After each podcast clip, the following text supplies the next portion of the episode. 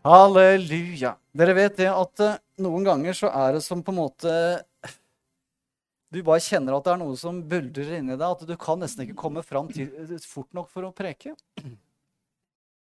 Jeg har det litt sånn i dag. Jeg hadde det litt sånn i dag. Det var herlig og alt som skjedde før. Og jeg må si det, Katrine, du var veldig på hogget. For det skal Det du ba ut, det er om å regjere i livet om å regjere i livet. Og vi har veldig mange rare forestillinger om hvordan vi kan regjere i livet. Og jeg tror at veldig mange baserer dette på et helt feil grunnlag.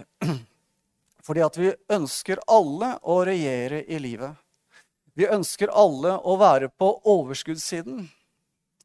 Vi ønsker alle å kjenne at det er en kraft fra himmelen og våre liv som gjør at det bryter gjennom der vi er.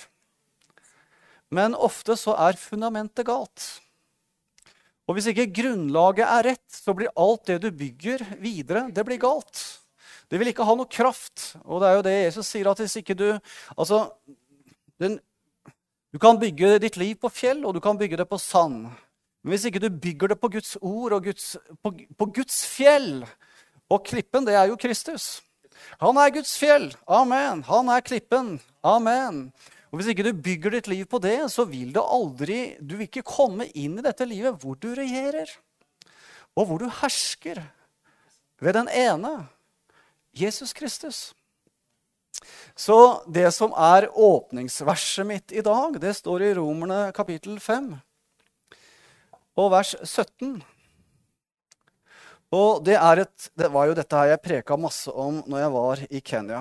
Eh, og må, vi må bare få det opp på tavla. Romerne 5, 17. Det er et fantastisk vers. Og hvis du har Bibelen Guds ord, så er jo det veldig flott, eh, Ragnhild. For da blir det sånn som jeg leser det også. Hvis ikke, så får du bare ta den du har. For om døden fikk herredømme ved den ene, ved denne enes fall, så skal da de som tar imot nådens overflod og rettferdighetens gave, desto mer ha liv og herske ved den ene Jesus Kristus. Amen. Og nå har jeg vært frelst i 42 år. Ganske eksakt på dette tidspunktet, i 1980, så ble jeg frelst.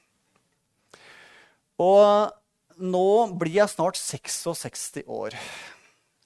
Så jeg har gått 42 år sammen med Herren. Og så har jeg jo vel gjort alle de tabbene som kan gjøres. Eh, men heldigvis så har Gud korrigert meg underveis. Så nå vil jeg at dere skal høre på en gammel mann. og alle hans erfaringer som ikke førte noe sted. Men også de erfaringene som førte et sted. Fordi at uh, jeg vokste opp i statskirka. Og der var jo bekjennelsen 'meg arme, syndige menneske'. Som synder mot deg i ord og gjerninger. Det var min oppvekst. Og når jeg ble frelst, så leste jeg jo Bibelen fra perm til perm. Jeg leste jo Gamle Testamentet så grundig. Jeg hadde jo, Det var mitt liv, det var å lese Guds ord. Men jeg kom aldri helt ut av Gamle testamentet. skjønner du. Jeg kom aldri helt inn i det nye. og jeg må bare med sorg si det, at det gjelder ikke bare meg, men det gjelder veldig mange kristne. De kommer ikke ut av Gamle testamentet og inn i det nye. Og hvis du blir værende i Det gamle testamentet, vet du hva du er da? Da er du en skikkelig fariseer. Og jeg var en skikkelig fariseer. jeg var Ja, jeg var det. og det var så morsomt, vet du, fordi at når jeg fikk dette her med profetisk budskap omkring år 2000, så så altså Én ting var det at når du er en fariseer, så så roser du deg av det du får til, og så sammenligner du deg med alle andre som ikke får til akkurat det du får til, og så har du veldig liten sans for det som ikke du selv får til.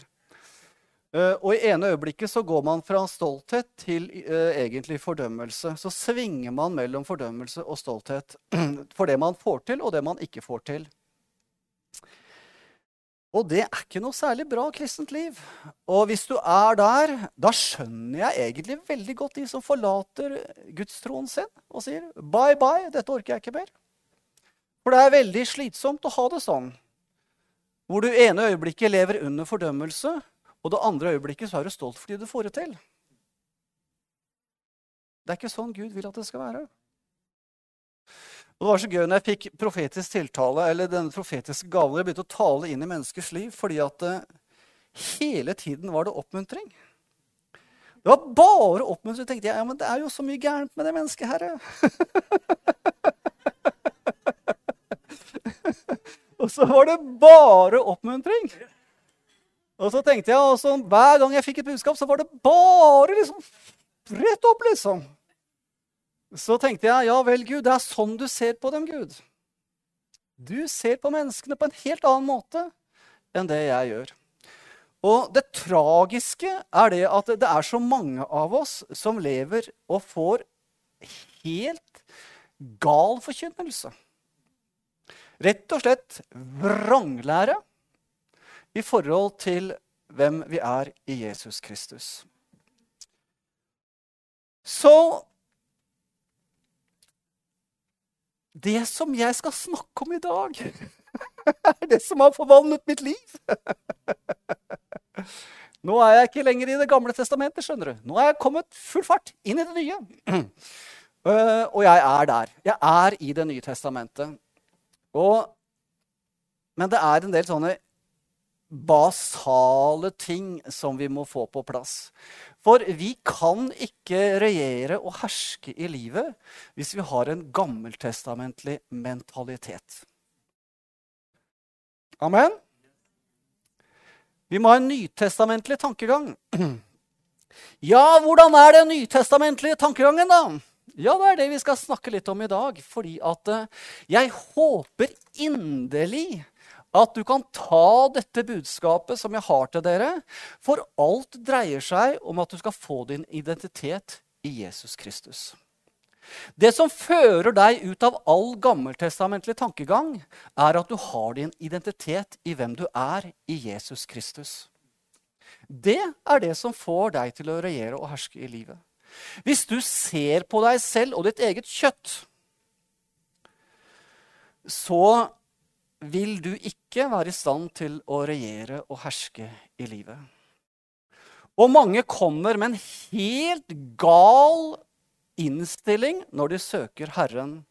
Og jeg må bare fortelle et lite eksempel som Andrew Womack forteller. Det er så utrolig illustrerende. Eh, da han reiste til Vietnam, han verva seg jo til Vietnam og reiste i krigen der nede. Men før han reiste, så kjøpte han inn ei vaktbikkje fordi at mora hans bodde aleine. Og den vaktbikkja det var en blanding av schæfer og en annen hund. Så den hadde en sånn honningfarge, så han kalte bare bikkja Honey. Honey. Ikke Henning, men Honey. og da var det slik at den bikkja hadde blitt så galt oppdratt fra den var en liten valp. Den hadde blitt slått, den hadde blitt mishandla. Slik at eh, hver gang som den skulle på en måte Og så fikk han det jo godt hos når han kom sammen med Andrew Womack. Men hver gang på en måte han kom hjem og bikkja kom løpende mot den, så løp den mot den. Og noen par meter før den kom fram til Womack, så kasta den seg på bakken og rulla seg rundt og pep og klynka som han var redd for å bli slått. Og det var hver gang, liksom. Den var så redd for å bli slått av Andrew Womack, for det var jo det den hadde blitt vokst opp med. Og da var det slik at uh, når postmannen kom Det var en sånn skikkelig svær bikkje. vet du. Mye større, større enn schæfer.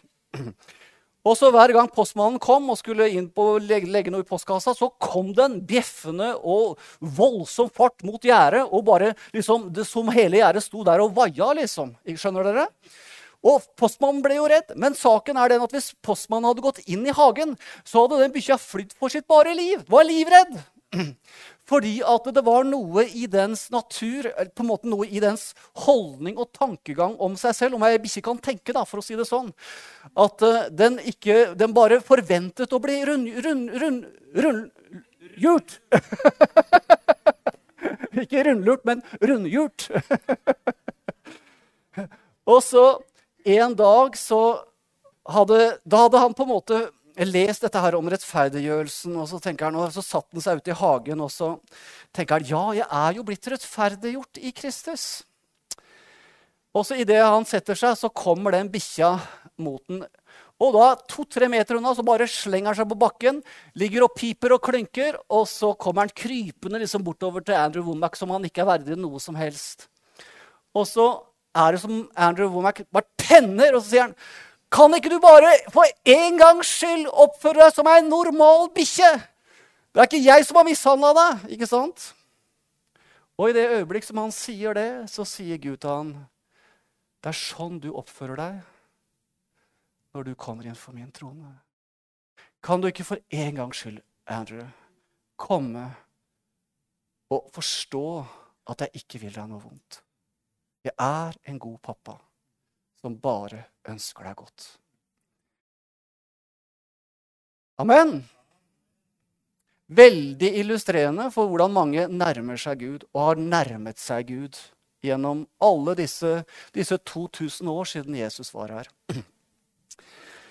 Og det som er innmari viktig når vi skal forstå at vi er rettferdiggjort, det er faktisk å forstå dette med ånd, sjel og kropp.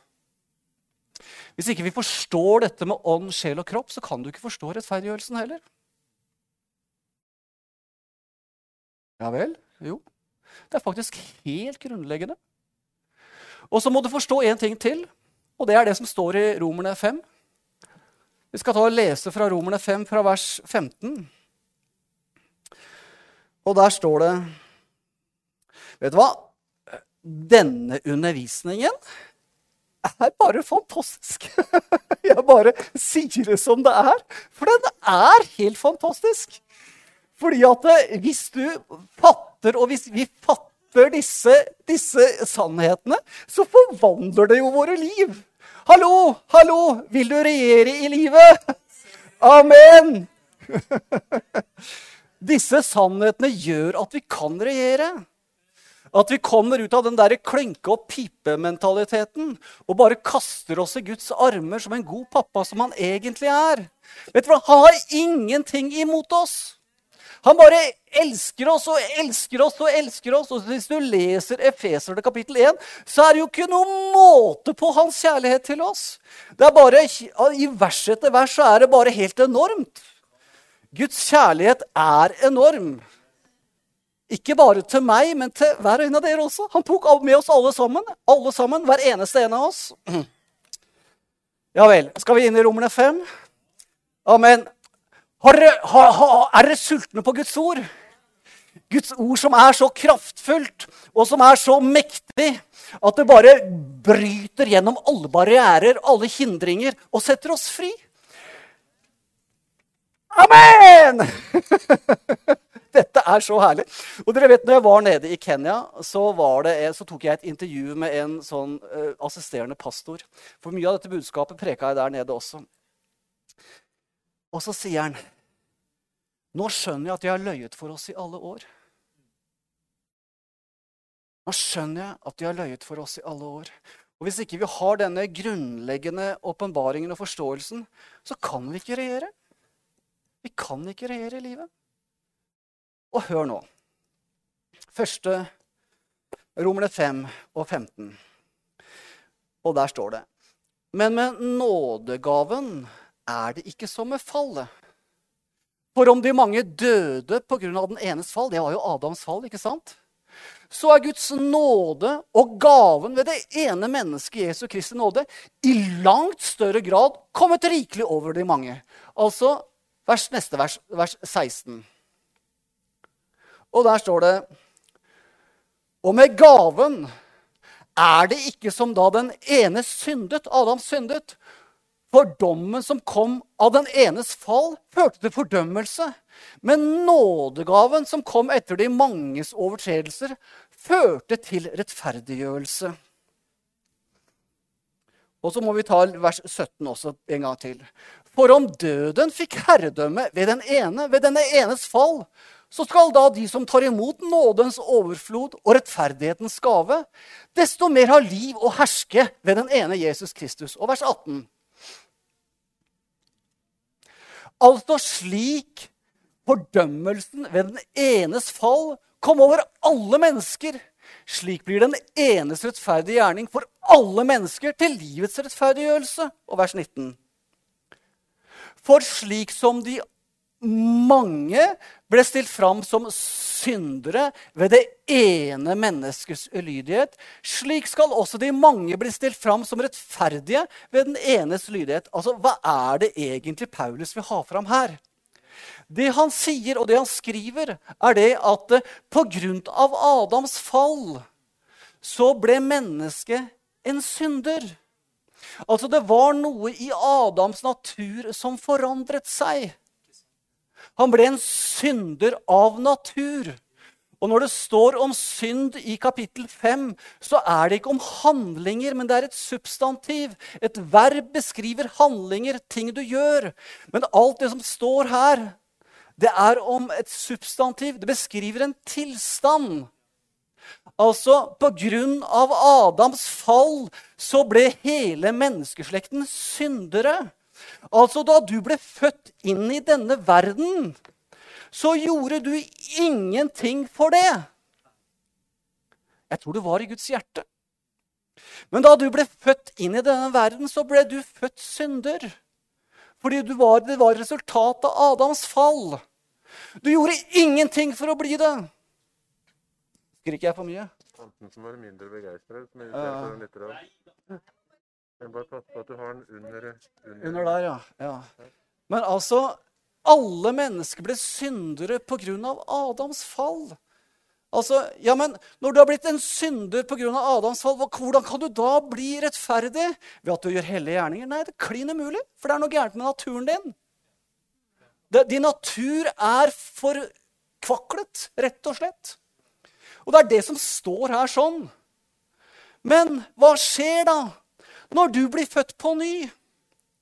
Altså på samme måte som Adams fall og synd førte til at alle mennesker ble syndere, så var det en mann som kom, som levde 100 rettferdig. Og vi døde sammen med Kristus på korset. Slik at vi ble oppreist med ham i hans oppstandelse. Når du tar imot Jesus Kristus som Herre i ditt liv, hva blir du da? Du blir født rettferdig. På samme måte som du ble født synder da du kom inn i denne verden på et helt naturlig vis, så er du nå født rettferdig. Du klarte ikke å forandre din natur ved at du gjorde hellige gjerninger. Du måtte bli født på ny. Du måtte få en ny åndelig natur på innsiden. Det var den eneste måten du kunne bli rettferdig på. Og det som Guds ord sier, at på samme måte som du ble født som en synder på et naturlig vis På samme måte, det er den samme kraften som virker. Når du tar imot Jesus Kristus som Herre i ditt liv, så blir du født rettferdig. Og du forandrer ikke din rettferdige stilling ved å synde. På samme måte som en som er synder, ikke rettferdig forandrer sin natur ved at han gjør hellige gjerninger. Og uansett hvor mange hellige gjerninger du kan gjøre når du er født synder, så vil det aldri forandre din natur. Det er dette som Paulus bare presser på i Romerne 5. Han sier det fem forskjellige ganger på fem forskjellige måter. At på samme måte som Adam førte død og synd inn i verden, så førte Jesus rettferdiggjørelse og nåde inn i våre liv. Amen. Og når du tar imot Jesus, så blir du født rettferdig. Det er jo helt vilt, folkens. Det er helt vilt. Men det er faktisk sant. Tro det eller ei. Det er sant, faktisk. Det er det som skjer. Jeg blir født rettferdig. Amen. Vet du hva? Dette er så fantastisk, og det er dette som er evangeliet. Og det betyr at på samme måte som ikke jeg kan bli forandre min natur ved å gjøre hellige gjerninger, så forandrer jeg heller ikke min natur når jeg er født på ny ved å gjøre gale gjerninger. For du skjønner det at eh, min natur blir ikke endret ut ifra det jeg gjør. Og skal du få en natur, en ny natur, en rettferdiggjort natur Du er ikke lenger en synder, skjønner du. Av natur. Sånn som jeg på en måte bekjente i kirka når jeg vokste opp. Meg arme, syndige menneske som krenker deg i ord og gjerninger. Jeg er ikke der lenger. Vet du hva? Jeg er født på ny. Jeg har fått en ny natur, skjønner du. Rettferdiggjort i Kristus. Det er dette som Paulus kjører på. Han sier dere må forstå, hvis dere skjønner at dere ble født syndere, så må dere også forstå at når dere tok imot Jesus, så ble dere født rettferdige. Å, halleluja. Å, Jesus. Og hvis ikke vi forstår dette her sånn Tenk det, få opp 5.17 en gang til. Hvis ikke vi forstår rettferdiggjørelsen, hva som har skjedd i den nye fødselen, og hvis ikke vi identifiserer oss med den nye skapningen som jeg er i Jesus Kristus altså Det er forståelsen av rettferdiggjørelsen som gjør at jeg kan herske i livet. Det er det som på en måte åpner opp for Guds nåde i mitt liv. Amen! Åh! Dette åpner opp for så mange fantastiske ting i livet vårt. Å, Jesus, Jesus. Å, Jesus. Og så står det Å, Jesus, Jesus. Vi må ta det som står her sånn i Romerne 5, 21. Dette er så kraftfullt, det som står her. For slik som synden hersket ved døden, skal også nåden herske ved rettferdighet til evig liv ved Jesus Kristus, vår Herre. Til evig liv? Til evig liv? Ja, hva er evig liv, da? Er det bare et liv i himmelen? Jesus sa, 'Dette er det evige liv. At de kjenner meg. Kjenner Faderen.' Du skjønner, evig liv å komme inn i en nær relasjon med Jesus Kristus, det er noe som hører den nye pakten til. Fordi at vi har fått del i evig liv. Hvordan da? Ved rettferdiggjørelsen har vi fått del i evig liv. Og evig liv er i bunn og grunn å ha fellesskap, ha en personlig relasjon med den levende Gud.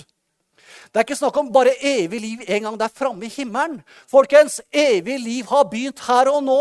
For det dreier seg om å ha en relasjon, en nær relasjon med den levende Gud. Men hvis ikke vi har fundamentet om rettferdiggjørelsen, så kan ikke vi komme inn. Da kommer vi akkurat som han er, klinkende, pipende og føler oss uverdige. Kryper framfor Gud som ikke vi er verdige noe som helst. Og Gud sier, 'Reis deg opp, menneske! Jeg har satt deg fri. Du har blitt en rettferdig skapning i meg. Ta imot min kjærlighet.' Amen! Det er sånn det er å være en kristen. Det er å komme inn for Guds trone med full frimodighet. Amen. Å, Jesus, hjelp meg. Å, Jesus, Jesus. Halleluja. Og hvordan er da den nye skapningen på innsiden? Hvordan er dette nye mennesket på innsiden? Hva står det i andre kor 517? Dersom noen er i Kristus, er han en ny skapning. Det gamle er borte, se, alt er blitt nytt. Hva er det som er en ny skapning? Ditt indre menneske. Din ånd er en ny skapning i Kristus Jesus. Halleluja. Kroppen er den samme, sjelen er den samme, men din natur er endret. Amen. Du har ikke lenger en syndig natur. Og Det er dette som står i Efeserne 4,24. Og dere har ikledd dere Efeserne 4,24. Og ikle eller som det står her også, dere har ikledd dere det nye mennesket, som er skapt etter Gud, ved sannhetens rettferdighet og hellighet. Det nye mennesket er skapt av Gud. Din ånd er født av Gud. Og det står at alle som tok imot ham, dem ga han rett til å bli Guds barn. Det står i første, første kapittel i Johannes evangelium.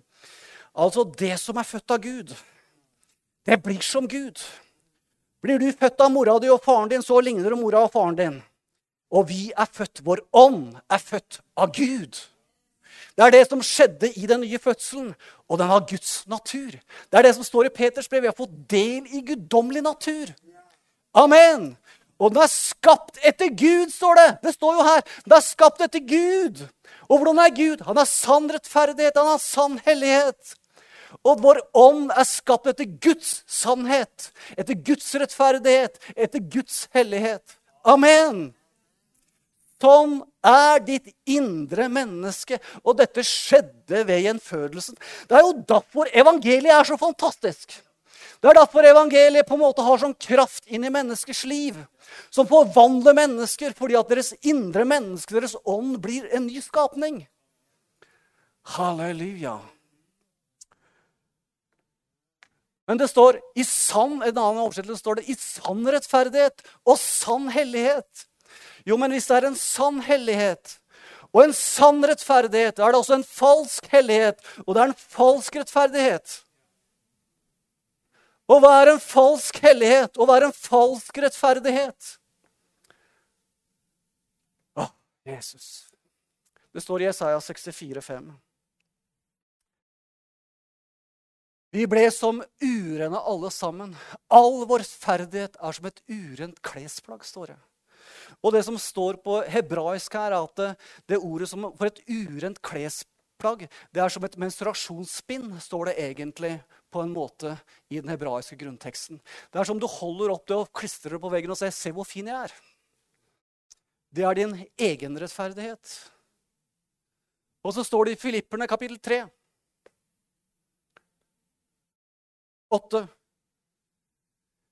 Ja, og da, da, har først Paulus snakket om hvor fantastisk han er egentlig etter det ytre av Benjamins stamme. En hebreer. Fariseer blant fariseere. Altså, det er jo fantastiske ting. Men hva sier han videre? Ja, så visst regner jeg alt som tap sammenlignet med det som er så mye mer verd. Kunnskapen om Kristus Jesus, min Herre. På grunn av ham har jeg litt tap på alt, og jeg regner det som søppel. Søppel! Det er gjødsel, står det egentlig på, på, på, på gresken her. Det er kuurin og kumøkk. Det er det det er snakk om. Så det som Paulus sier, så høyt akter jeg dette, min egen rettferdighet, av det jeg selv kan rose meg for. I forhold til dette ene å vinne Kristus. Amen din egenrettferdighet og min egenrettferdighet, hva jeg er i stand til å gjøre av hellige gjerninger, gjør ikke at du blir mer eller mindre elsket av Gud. Du er en ny skapning. Din ånd er en ny skapning. Din sjel er den samme, din kropp er den samme. En dag skal også din kropp og din sjel forvandles. Åh, jeg har surra bort brillene mine og alt. Skal vi se. Um, er det noen som ser de? Takk skal du ha. Amen. Å, Jesus, Jesus, halleluja. Vet du hva det står i Lukas kapittel 18 om to mennesker? I kapittel, 10, kapittel 18 og vers 10. To mennesker gikk opp til tempelet for å be. Den ene var en fariseer, og den andre en toller. Neste vers. Fariseerne sto for seg selv og ba slik.: Gud, jeg takker deg for at jeg ikke er som alle andre mennesker, tyver, urettferdige, ekteskapsbrytere eller som denne tolleren. Jeg faster to ganger i uken. Jeg gir tide av alt jeg eier. Men tolleren sto langt borte. Han ville ikke engang løfte øynene sine mot himmelen, men slo seg for brystet og sa, Gud, vær meg synder nådig. Jeg sier dere, denne mannen gikk rettferdiggjort hjem til sitt hus, den andre ikke. For hver den som opphøyer seg selv, skal bli ydmyket, og den som ydmyker seg selv, skal bli opphøyet. Ja, der kan du se. Vi må si, meg arme synder. Hør her. Korset var ikke fullført. Det var under den gamle pakt. Samtidig så er det en dyp sannhet i dette her sånn. Hvis du stoler på din egen rettferdighet, dine egne hellige handlinger, i anførselstegn Hvis det er det du stoler på, så vil du aldri bli erklært rettferdig.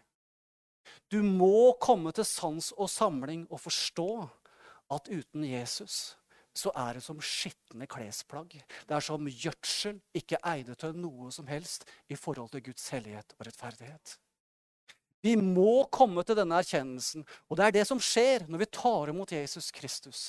Vi ser det at dette makter jeg ikke sjøl. Jeg har ingenting å vise til. Jeg kan bare stole på min frelser Jesus Kristus.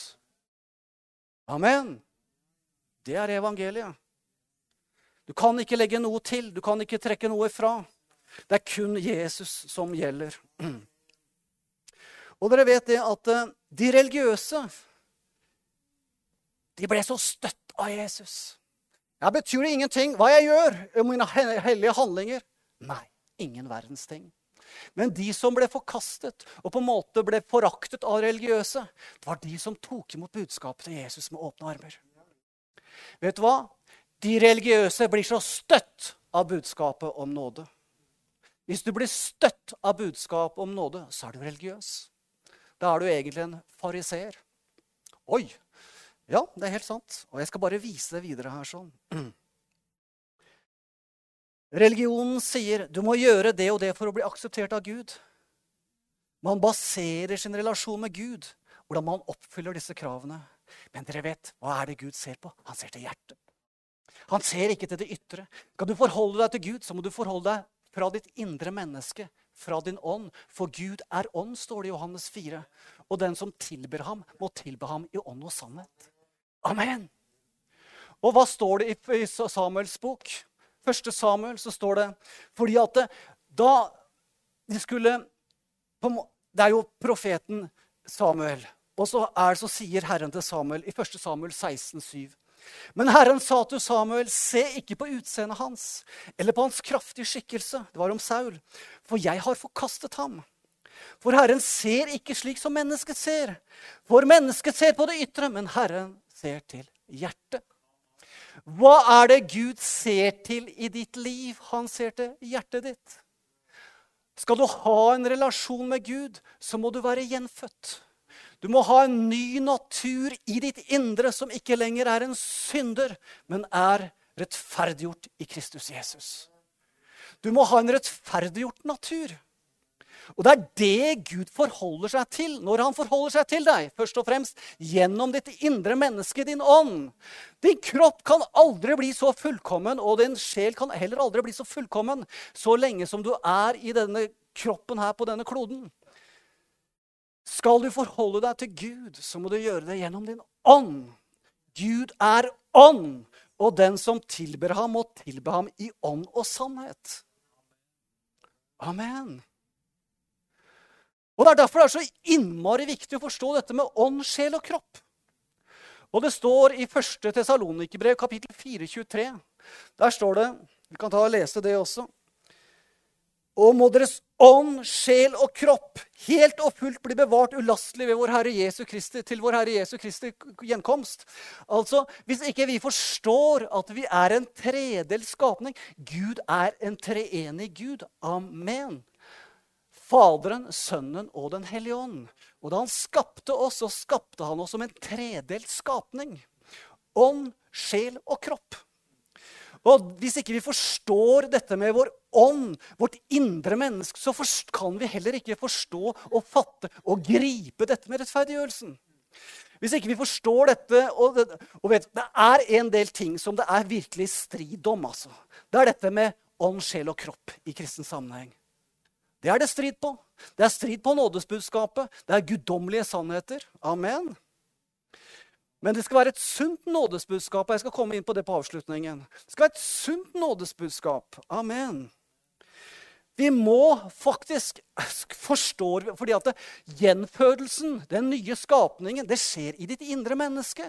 Altså, Hvis jeg spør deg altså, Hva skjedde når du ble frelst? Ble kroppen din forandra? Du var fortsatt en kvinne eller en mann hvis ikke du er litt sånn, ja, har litt problemer på det området. Jeg skal ikke si noe mer på det. Og hør nå. Din sjel er også den samme etter den nye fødselen. Men miraklet skjer i din ånd, i ditt indre menneske. Det er der miraklet skjer. Og hvis jeg spør deg hvordan har kroppen din det i dag? Du vet om du er kald eller varm. Det vet du. Du har med en gang kontakt med din kropp. Om jeg spør deg hvordan har din sjel det i dag, så vet du med en gang om du er, er, glad eller lei deg, deprimert eller hvordan du er. Altså, Vi har kontakt med vår sjel og vår ånd. Nei, unnskyld. Vår sjel og vår kropp. Det er så lett å fortelle hvordan vår kropp har det, og hvordan vår sjel har det. Men om jeg spør dere hvordan har din ånd det i dag, da får du trøbbel. Hvordan har din ånd det i dag? Og skal vi regjere i livet, så må vi forstå hvordan vår ånd har det. Vi kan ikke regjere og herske ved den ene Jesus Kristus hvis ikke vi forstår hvordan vår ånd har det. Vår ånd er rettferdiggjort. Den er hellig og ren som Jesus. Det står i 1. Johannes brev, kapittel 4, slik som han er, slik som Jesus er, slik er vi i denne verden. Altså ikke i den kommende verden, men i denne verden er vi slik som Jesus Kristus. Og det er snakk om vårt indre menneske, vår ånd. Amen! Og det står også at vi har fått Kristi sinn. Det dreier seg om vårt indre menneske som har åpenbaring på alt, faktisk. Og den dagen som vi kommer hjem, så er det slik at det som er Altså, du er fullkommen i din ånd akkurat nå. Ditt indre menneske er fullkomment. Og det vil ikke bli forurensa av det du gjør i din sjel eller din kropp. Ja, men da kan jeg jo gjøre hva jeg vil. Nei, det gjør du ikke. Du gjør ikke det når du er født på ny. For du er død for synden. skjønner Du Du har fått en ny natur som gjør at du bare lengter etter å gjøre det Gud vil.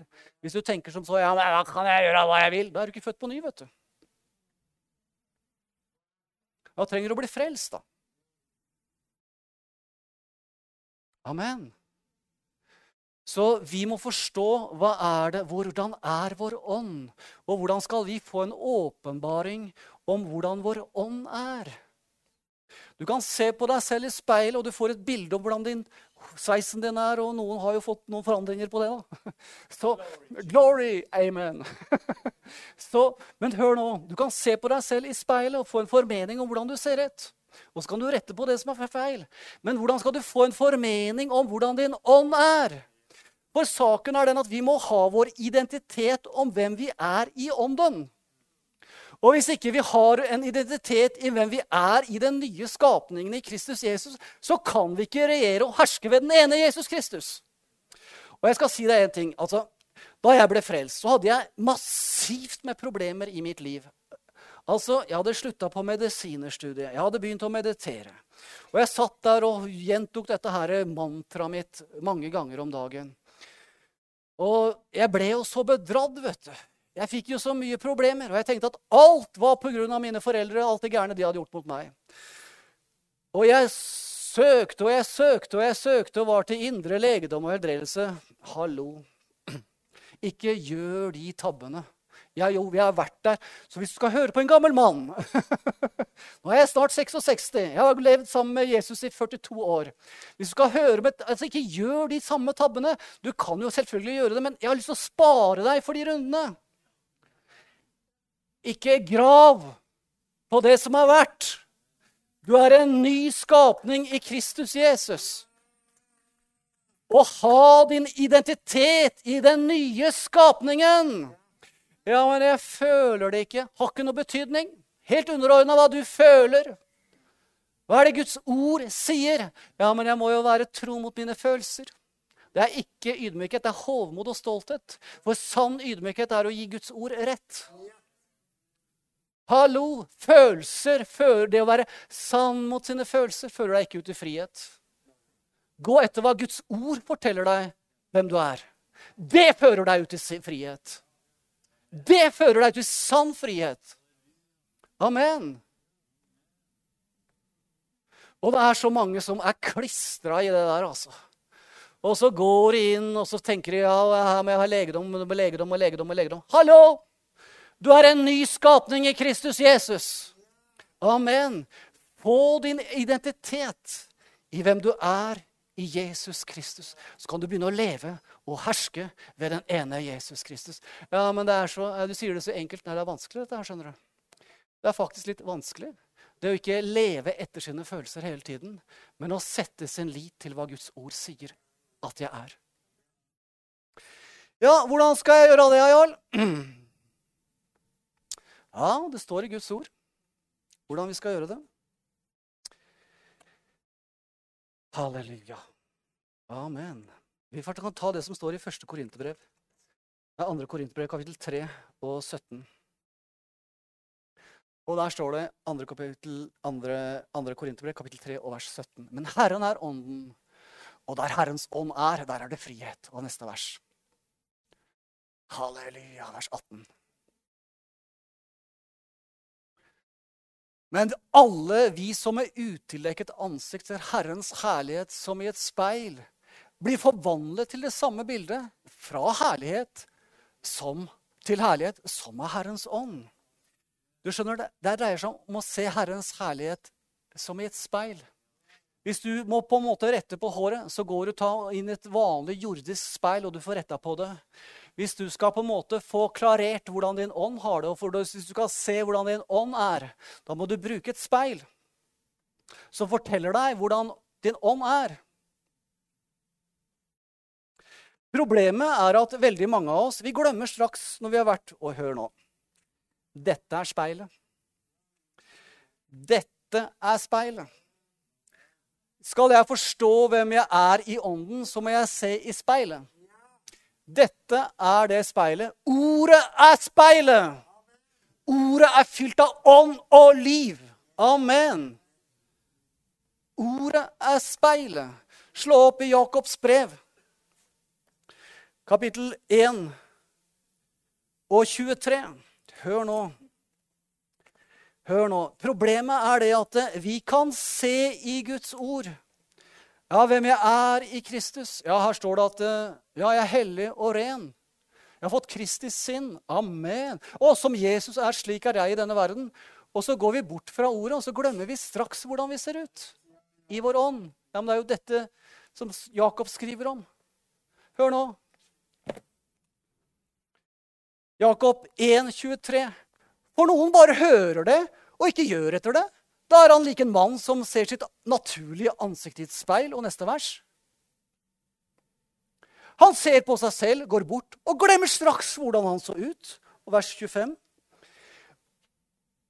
Men den som ser inn i den fullkomne lov, frihetens lov, og fortsetter med det, og ikke blir en glemt som hører, men en gjerningens gjører. Han skal være salig i alt han gjør. Her sier Guds ord at hvis du holder fast på hvem du er i ditt indre menneske, i den nye fødselen, så vil du være salig i din gjerning. Har dere lyst til å være salig i deres gjerning? Amen. Amen. Da må vi holde fast på det som Guds ord sier når vi speiler oss i ordet. Ja, men jeg føler det ikke sånn. Helt uvesentlig. Betyr ingen verdens ting hva du føler. Det som betyr noe, ja, det er lett for deg å si det. Du skal fortelle deg, Jeg har vært gjennom ganske mange ting. Jeg har vært så deprimert og så full av angst og frykt at du aner det ikke. Uh, jeg har hatt så store problemer i mitt liv. Mitt liv var et totalt mess. Og det jeg vet at det som har ført meg ut, det er ordet. Det er Guds ord. Men dere skjønner det at vi må forstå ordet, og vi må ha åpenbaring på ordet. Og vi må forstå at vi er rettferdiggjort i Kristus. Og du skjønner ikke din rettferdiggjørelsen hvis ikke du forstår dette med ånd, sjel og kropp. Og hvor den nye fødselen egentlig har skjedd. Vi må ha en forståelse om ånd, sjel og kropp. Så hvis vi leser i Guds ord som Jesus er, slik er jeg i denne verden, og så møter vi en del ting. Ja, men jeg føler det ikke sånn lenger, jeg, Herre. Nei, men Da er du akkurat som en mann som ser ansiktet sitt speil, og så glemmer du straks hvordan du så ut egentlig. Vi må ikke bygge våre liv på følelser. Ja, men jeg føler meg så fordømt, har ingen betydning. Betyr ingen verdens ting. Ja, men jeg føler meg så uverdig. Nei, det betyr ingenting. Det er, du er ikke uverdig. vet du. Guds ord sier at du er elsket av Gud. Ja, Jesus ga sitt eget liv for deg. han. Jeg mener at uh, Prisen på et menneske, det som avgjør det, er jo betalingen som skjedde. Gud betalte med sitt eget liv. Så mye er du verdt. Ikke kom og si at du ikke er verdig. Du er verdig. Ja, men Guds ord sier det. Ja, men jeg føler det ikke sånn. Betyr ingen verdens ting. Fordi at vi er så vant i vår kultur å opphøye følelsene på et helt miserabelt nivå. Ja, men jeg føler det ikke sånn. Nei, betyr ingen verdens ting. Gå etter ordet. Hva sier ordet om deg? Det er det som betyr noe. Og i den grad som vi kan på en måte leve vårt liv og ha vår identitet i den nye skapningen om hvem vi er i ånden, hvem vi er i Jesus Kristus, det er det som får oss ut av møkka. Eller så går vi runddans på runddans på runddans, og vi kommer aldri ut av det. Det er som gullfisken som glemmer straks hvordan altså, Det var så herlig, jeg hørte det. Det er en gullfisken som svømmer rundt i bollen sin. Å, her har jeg ikke vært før. Å, her har jeg ikke vært før. Hør her nå. Altså, det er, altså, vi må holde fast på disse åndelige sannhetene. Og ikke glemme hvordan vi ser ut straks vi er ute av ordet. Å, Jesus, halleluja, halleluja, hjelp meg, Herre. Å, Jesus, halleluja, halleluja. Å, halleluja. Men hør nå, det står i andre kor 4-7. Vi har denne skatten, skjønner du. Vi har denne skatten om rettferdiggjørelsen. Vår ånd er rettferdiggjort. Men vi har den i leirkar. Slik at eh, når mennesker ser deg, så kan de tenke deg Ja, men Henning, da. Ja, ja, Mona, da. Uh, ja, Vi ser jo leirkaret, men du skjønner det at så skriver Paulus at nå kjenner vi ikke lenger noen etter kjødet, men etter ånden. sier han. At vi på en måte respekterer det som Gud har lagt ned i vårt indre menneske. Og når vi forstår dette med at jeg ble født rettferdig Jeg kan ikke gjøre noe for å forandre min stilling. Jeg kan ikke gjøre noe for å forbedre min stilling innenfor Gud. Jeg kan ikke gjøre noe for å forverre min stilling innenfor Gud. Jeg kan ikke gjøre noe for å få han til å elske meg mer eller mindre, uansett hvordan jeg lever. Fordi at Guds kjærlighet er ikke basert på dine gjerninger. Dine gjerne, det, Guds kjærlighet er bare basert på én ting. Det som Jesus gjorde for deg på Golgata kors. Og han relaterer seg til deg gjennom din ånd i ditt indre menneske.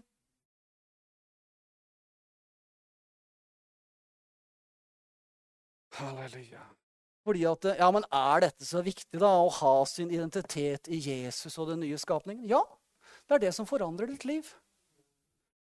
Fordi at det står i ordspråkene kapittel 23 og vers 7.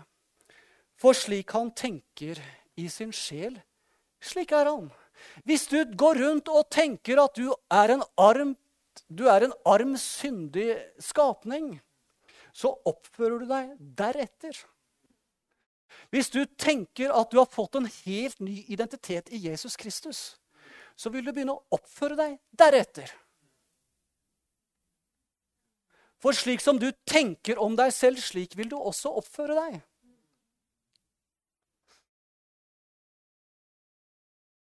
Det er så mange måter vi kan reagere på. Ehm, jeg har jo fortalt dere noen ganger om at jeg hadde litt problemer med en nabo. Og det endte jo med at jeg, jeg sa til Gud Gud, hjelp meg, Gud. Åh, gi meg en sjanse til, så skal jeg være vennlig og snill. Og så endte det med at jeg gikk over gjerdet og skjelte den ut. Men du vet at øh, så, Men det er en annen måte å gjøre det på. Uh, det er en annen måte å gjøre det på, hvor ikke du setter lit til ditt, din egen kraft. Uh, vi skulle montere en varmepumpe hjemme. Og det gjorde vi, men den ble gærent montert.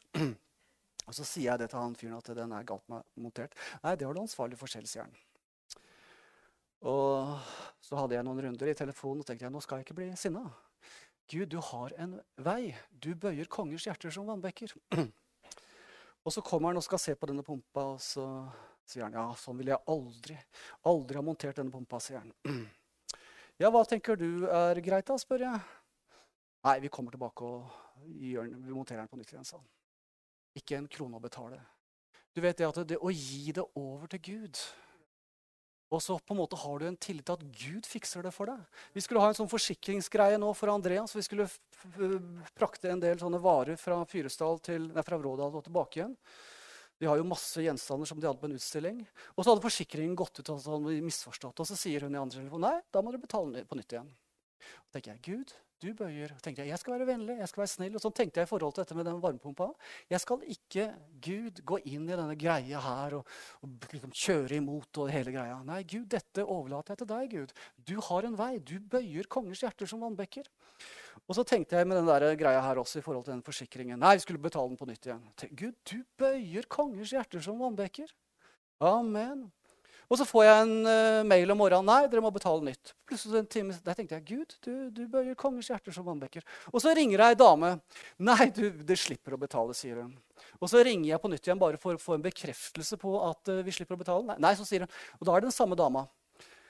Nei, dere må betale. Å, nei, vent litt, det står noe her. Og vet du hva Gud gjorde? Han bare satte inn ei annen dame på den saken, og så fiksa han det. Amen. Så du skjønner det at det er en vei i Gud i alle disse tingene. Og det er det å på en måte være bevisst at vi har fått en ny identitet. Vi trenger ikke å reagere etter kjødet. Men nå, vår natur er ikke på en måte syndig. Vår natur er fullkommen i Gud.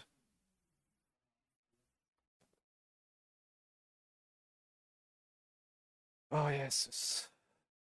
Halleluja. Vet du hva? Ikke la oss være som den gullfisken som svømmer rundt i vesle, denne vesle bollen sin. Så leser vi Guds ord. Å, var det sånn det var? Å, jeg er som Jesus. Å, så glemmer jeg det. Å, nei, men jeg føler det ikke sånn. Å, jeg føler det ikke sånn, jeg føler det ikke sånn, jeg føler det ikke sånn. Å, jeg var, å, jeg er akkurat som Jesus, ja, ikke sant? Vi, la oss holde fast på ordet. La oss holde fast på ordet. Amen. Det er det som fører oss inn i et regjerende kristenliv. Som gjør at vi kommer over, fra, over i et seiersfylt liv. Og så må jeg bare si helt til avslutning Fordi at eh, Ja, men hør nå. Eh, det er jo sånn at Gud på en måte peker på en del ting i livet våre. Ja, hvorfor gjør han det? Jo, fordi han er så glad i deg, skjønner du. Fordi at eh, Når du har åpna opp for djevelen i livet ditt og på en måte kommet inn i noen sånne vrangforestillinger og bedrag, så sier Gud du, dette må du forandre på. Hvorfor gjør han det? Hvorfor han vil at du skal ha det bra. skjønner du? Fordi han er så glad i deg. Han kommer ikke med den derre pisken 'Nå må du omvende deg, Henning!' han kommer ikke med pisken, skjønner du. Nei, han sier du, nå har du surra det ordentlig til. Nå må du omvende deg for å få det på rett kjøl igjen. ikke sant? Og av og til så må faktisk Gud fortelle oss en sannhet. Vi, men for at vi skal bli fri da, så må vi ta imot den erkjennelsen. Nei, jeg tar ikke imot det. Jeg står imot, jeg står imot, jeg står imot. Hallo! La Gud få tale den sannheten inn i livet ditt. Og så er det på en måte, så må ikke du falle inn i dette gjerningsdrevet. da. Ja, men nå skal jeg få det til! Hallo, du må gi saken til Gud, skjønner du.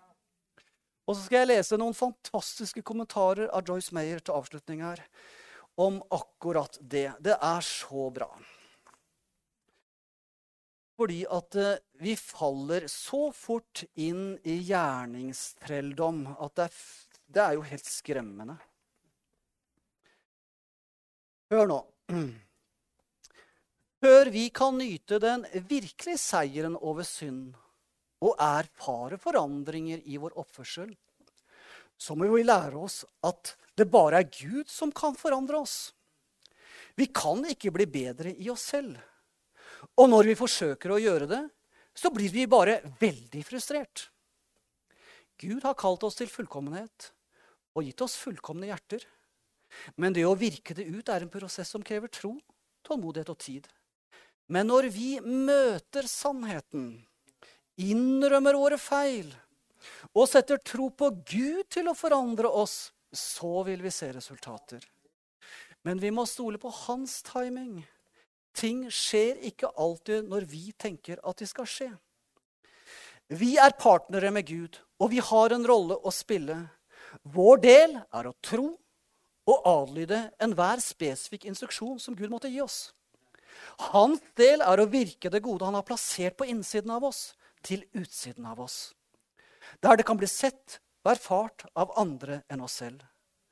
Når vi kommer inn i kjødets gjerninger, som er vår egen energi og kraft i et forsøk på å gjøre Guds jobb, da blir vi frustrert. Og Gud selv, han hindrer oss inntil vi ydmyker oss selv og stoler totalt på ham. Det tok lang tid, men til slutt lærte jeg at hver gang jeg følte meg frustrert, så hadde jeg sluttet å stole på Gud. Og begynte å stole på meg selv for å oppnå det ene som var nødvendig til å bli gjort til enhver tid. Vi mottar Kristus helt og fullt kun ved tro. Og det er på samme måte som vi må leve våre liv. Vi forstår at vi trenger å forandres. Ofte blir vi veldig skuffet over oss selv. Føler oss til og med fordømt når vi ikke lykkes i å forandre oss. Det er mye bedre for oss å legge den energien vi bruker på å forandre oss, isteden legge den i bønn og stole på at Gud gjør det som trengs å gjøres. Vår tro virker, Ved tro virker Gud i dag, og det vil se vidunderlige forandringer, men du må vende dine anstrengelser til å bli bedre totalt over på ham. La Gud være Gud i ditt liv. Istedenfor å si 'Jeg forandres aldri, jeg', si 'Gud virker i meg' når jeg stoler på ham, og jeg tror at jeg forandres dag for dag. Gud styrker meg i min svakhet og hjelper meg til å overvinne dårlige vaner. Amen. Dere vet at Skal vi komme videre, så må vi innse sannheten. Hvis det er ting som Gud peker på. Men hør, han gjør det i kjærlighet. Han vil at du skal få det bedre. skjønner du. Fordi at Hvis vi har blitt åpnet opp for ting i våre liv, så har vi gitt djevelen tilgang i livet våre. Og Gud sier nå må du stoppe. Nå må du stoppe styggen. Og spark han ut av livet ditt. Og det eneste måten vi kan sparke han ut, hvor han har ødelagt en del ting, det er å erkjenne sannheten og vende oss bort fra det. Og så er det Gud som kommer, kommer med sin kraft og gjør oss i stand til det. Og så må jeg si en hel ting. Jeg må bare ta det helt sånn avslutningsvis. Fordi at eh, ja, men, ja, men, ja, men, hør nå, altså. Uh, ja, men da trenger jeg ikke gjøre noen verdens ting, da. Uh, jo, er du født på ny, så du, har du fått en kraft og en energi på innsiden av deg som gjør at du bare ønsker å gjøre Guds vilje. Er bare, det er bare et eller annet som, Hvorfor tror dere jeg reiser til Kenya? Tror du det er liksom bare et eller annet uh, som jeg har funnet på? Den eneste grunnen til at jeg reiser til Kenya, det er at jeg kjenner at det er en energi på innsiden. Og den er det Gud som har lagt der. Amen. Og vet du hva, vet du hva grunnen til at jeg sitter der oppe noen timer med regnskap? Det er Gud har lagt en kraft og en energi på innsiden Nei, men Du skjønner at du må komme inn i hvilen, Jarl. Du må ikke jobbe så mye. skjønner Du Du må komme inn i hvilen. Hallo! Gud, står det, gir deg kraft til all troens gjerning. Vet du hva? Troens gjerning for meg det er å reise til Kenya. Troens gjerning for meg det er å drive med regnskap. Troens gjerning det er å holde dette bygget og jobbe sammen med Kenneth på en del områder. Troens gjerning å få på plass noen varmepumper, slik at vi sparer kanskje 50 000 kW på et år. Amen, Det er troens gjerning for meg. Du skjønner det at Gud har kalt oss troens gjerning. Men troens gjerning i forhold til kjødets gjerninger Jeg gjør ikke dette for å tilfredsstille Gud. Amen. Jeg, Gud er tilfredsstilt i Jesus Kristus. Ja, Hvorfor gjør du det da? Det er driv på innsiden, skjønner du, for jeg er født på ny. Amen. Jeg har fått Den hellige ånd på innsiden, og det er han som gir meg kraften. Amen. Kraft til all troens gjerning. Ja, men jeg klarer ikke det. jeg skjønner. Vet du hva? Hvor mange ganger har jeg tenkt Gud, dette er klin umulig. Dette har jeg verken kraft eller energi til å gjøre. Da kunne jeg så mange ganger sagt dette gidder jeg ikke, dette vil jeg ikke. Men jeg har en tillit til Gud, skjønner du. At når jeg står der, så kommer han. Og vet du hva? Han kommer. Amen. Og Jeg sitter med det regnskapet og tenker det er klin umulig å finne ut hva som er feil. Og Gud, nå må du hjelpe meg, Så ber jeg tunger og setter på noe lovsang, og så smokk, så har jeg det på plass. Amen. Du vet, Det er troens gjerning. Det er troens gjerning. Hallo, Gud har kalt oss til troens gjerning. Og vet du hva? Det er en hvile samtidig, fordi at du har satt din lit til at det er Gud som virker gjennom deg. Og da er det ikke noe ro som er igjen til deg, vet du. Amen. For du har gitt ditt liv til Jesus Kristus. Amen. Og han gir deg kraft til troens gjerning. Jeg gjør ikke dette for å tilfredsstille Gud, men jeg har fått et driv på innsiden til å bygge Guds rike. Amen. Amen. Og det er ikke fordømmelse som driver meg. Det er ikke kan du si, kav og mas. Men jeg har en glød og en passion for å tjene Jesus Kristus. Og den fikk jeg i den nye fødselen. Halleluja. Amen. Halleluja. Og dette er det vi skal ha vår identitet i, den nye skapningen. Men da må vi forstå at vi er en tredelt skapning. Ånd, sjel og kropp. Og det er vår ånd som er rettferdiggjort. Vår ånd påvirkes ikke av på en måte det vi gjør. Du kan ikke bli mer elsket av Gud. Du kan ikke bli mindre elsket av Gud basert på hva du gjør eller ikke gjør. Men tar du oppgjør med ting, så sparker du djevelen ut av livet ditt, så han ikke får ødelegge livet ditt. Og hans, hans agenda er bare én ting. Det er å myrde, stjele og ødelegge. Så spark han ut! Lukk døra! Få han ut av livet ditt. Amen. Amen.